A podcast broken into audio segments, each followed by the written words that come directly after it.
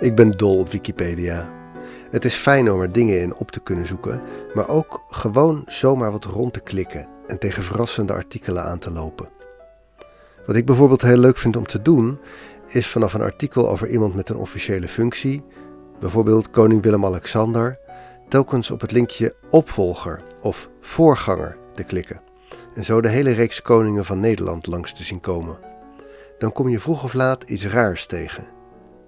Zo liep ik er een keer tegenaan dat bij Emmanuel Macron, naast zijn functie van 25e president van Frankrijk, stond dat hij ook een prins is.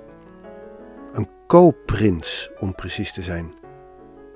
Wat is dat nou weer? Als hommage aan Wikipedia is hier Nooit Geweten, aflevering 4. Mijn lievelingsboek als kind was mijn atlas. Het was een kinderatlas waarin alle landen mooie kleurtjes hadden. Nederland was oranje, Groot-Brittannië was lichtroze. Onder elke pagina stond van de landen op de kaart een aantal kenmerken: oppervlakte, inwonertal en ook staatsvorm. Ik had natuurlijk geen idee waar dat over ging en mijn ouders konden het ook nooit echt bevredigend uitleggen. Nederland, koninkrijk. Frankrijk, republiek.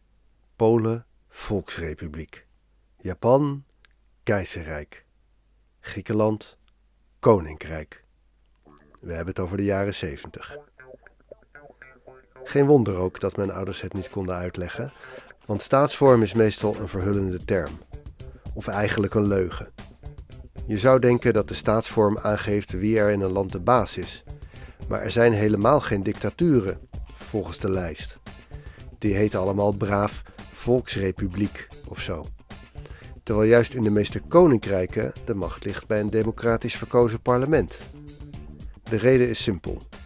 Het is wel prettig om de baas te zijn, maar dat hoeft niet iedereen te weten. Op papier mag het best iemand anders zijn. Die kan dan als staatshoofd linten doorknippen of als parlement doen alsof de bevolking echte invloed heeft. De Romeinse keizers hadden dat al door. Ze waren absolute heersers, maar intussen deed iedereen in Rome of de republiek nog bestond.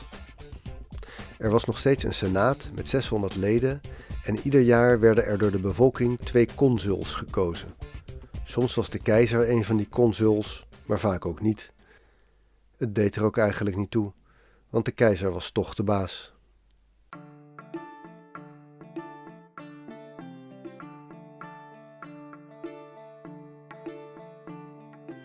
In de 13e eeuw, toen feodale verhoudingen nog de norm waren in Europa, lagen de valleien van Andorra in de Pyreneeën precies op de grens tussen het gebied van de graaf van Foix aan de noordkant en het gebied van de bisschop van Urgell aan de zuidkant. De bisschop was niet alleen in de kerk de baas, hij had in zijn bisdom ook de wereldlijke touwtjes in handen. De graaf en de bisschop hadden al heel lang ruzie over Andorra. Het was niet belangrijk genoeg om er echt oorlog over te gaan voeren, maar ze gunden het ook elkaar niet. In 1278 werd er na bemiddeling een soort compromis gesloten. De graaf en de bisschop zouden samen de baas zijn in Andorra. Ze mochten zich allebei prins van Andorra noemen. Voor de bisschop en de graaf was het grootste voordeel dat ze niet hadden verloren. Maar de bewoners van Andorra waren de grootste winnaars. De dagelijkse gang van zaken werd gewoon bepaald door de bewoners zelf in dorpsraden. In de 14e eeuw werd een soort overkoepelende raad ingesteld waarin alle dorpen in de valleien van Andorra vertegenwoordigd waren. Die raad was een van de eerste parlementen ter wereld. De graaf en de bisschop mochten allebei een vertegenwoordiger aanwijzen waarmee het parlement diende te overleggen. Maar die twee waren makkelijk tegen elkaar uit te spelen en er was in Andorra ook gewoon niet zo heel veel te halen.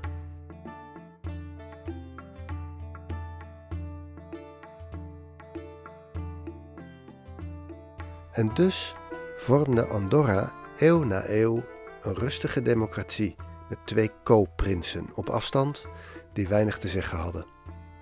De bisschop van Urgell raakte op een moment zijn wereldlijke macht kwijt, maar van Andorra mocht hij gewoon hun co-prins blijven. Het graafschap Foix werd eerst geërfd door de koningen van Navarra. Vervolgens werd in 1589 eh, Henri van Navarra onverwacht koning van Frankrijk. Hij was een verre neef van de vorige koning, Henri III, die kinderloos stierf, en hij werd dus Henri IV. Hij was nog steeds co-prins van Andorra. En hij vaardigde in 1607 een edict uit dat voortaan de koning van Frankrijk, niet de graaf van Foix, automatisch een van de twee prinsen van Andorra zou zijn. De burgers van Andorra vonden het in de tussentijd allemaal wel best. Hoe verder weg de prinsen zaten, hoe beter het ze was. Zo bemoeiden ze zich er niet te veel mee. Een paar honderd jaar later, toen er aan de Franse koningen een definitief einde kwam, bleef Andorra een tijdje met maar één prins zitten. De voormannen van de Franse Revolutie hadden helemaal niets met prinsen en wilden er zelf dus ook geen zijn. Maar dat duurde niet lang, want in de tijd van Napoleon Bonaparte werd alles weer hoe het was. Napoleon werd de nieuwe co-prins. In de 19e eeuw wisselde Frankrijk elke paar jaar van staatsvorm, maar elke keizer, president of koning die aantrad, werd in de Andorra braaf bijgeschreven op het lijstje. In de Tweede Wereldoorlog kozen de Andorrezen voor het nazi-gezinde Vichy-Frankrijk en werd maarschalk Pétain een paar jaar prins. En zo komen we in het heden. Inmiddels zijn de staatshoofden van Andorra co-prins Juan Enrique Bibes y Sicilia, in het dagelijks leven bisschop van Urgell en co-prins Emmanuel Macron.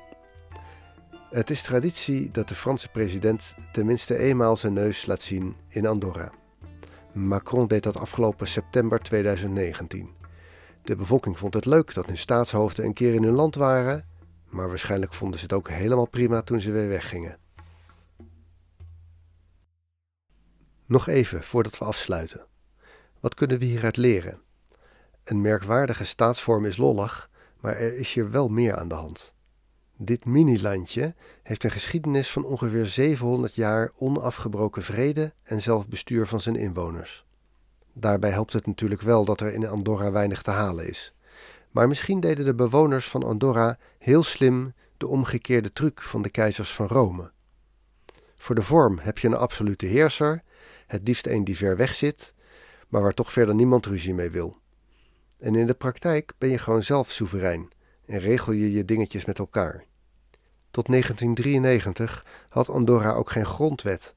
Die hele toestand met koopprinsen en de deal met de bisschop en het Franse staatshoofd was een soort informele regeling. Er was ook helemaal geen scheiding der machten vastgelegd.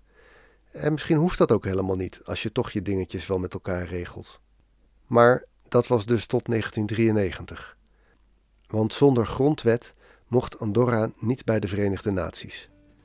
Nu is er een grondwet en is Andorra lid van de Verenigde Naties. Maar dat koopprinsensysteem, dat overleeft die hele Verenigde Naties volgens mij makkelijk. Dit was een aflevering van Nooit Geweten. Hopelijk kon je horen dat vanaf deze aflevering de opnames gemaakt zijn met wat betere apparatuur, zodat mijn S'en en T's niet zo naar klinken. In de show notes vind je links naar verschillende Wikipedia-lemma's waarop deze aflevering gebaseerd is. Alle muziek die je hoorde is gespeeld, geproduceerd en soms ook gecomponeerd door Kevin MacLeod. Links naar alle stukken vind je in de show notes. Research, productie en presentatie door mijzelf, Teun Duinsteen. En natuurlijk door al die duizenden die bijdragen aan Wikipedia. Nooit Geweten is beschikbaar op alle grote podcastplatforms, zoals Spotify en iTunes. Als je wilt helpen, laat daar dan een review achter. Voor vragen of opmerkingen heb ik tegenwoordig een Twitter-account. Apenstaartje Nooit Podcast. Helemaal aan elkaar. Als je graag een donatie wil doen, doe dat dan aan de Wikimedia Foundation, de stichting achter Wikipedia. Iedereen die internet gebruikt op zoek naar betrouwbare informatie zou toch eens per jaar een klein bedragje moeten doneren. Het is een donatie aan jezelf.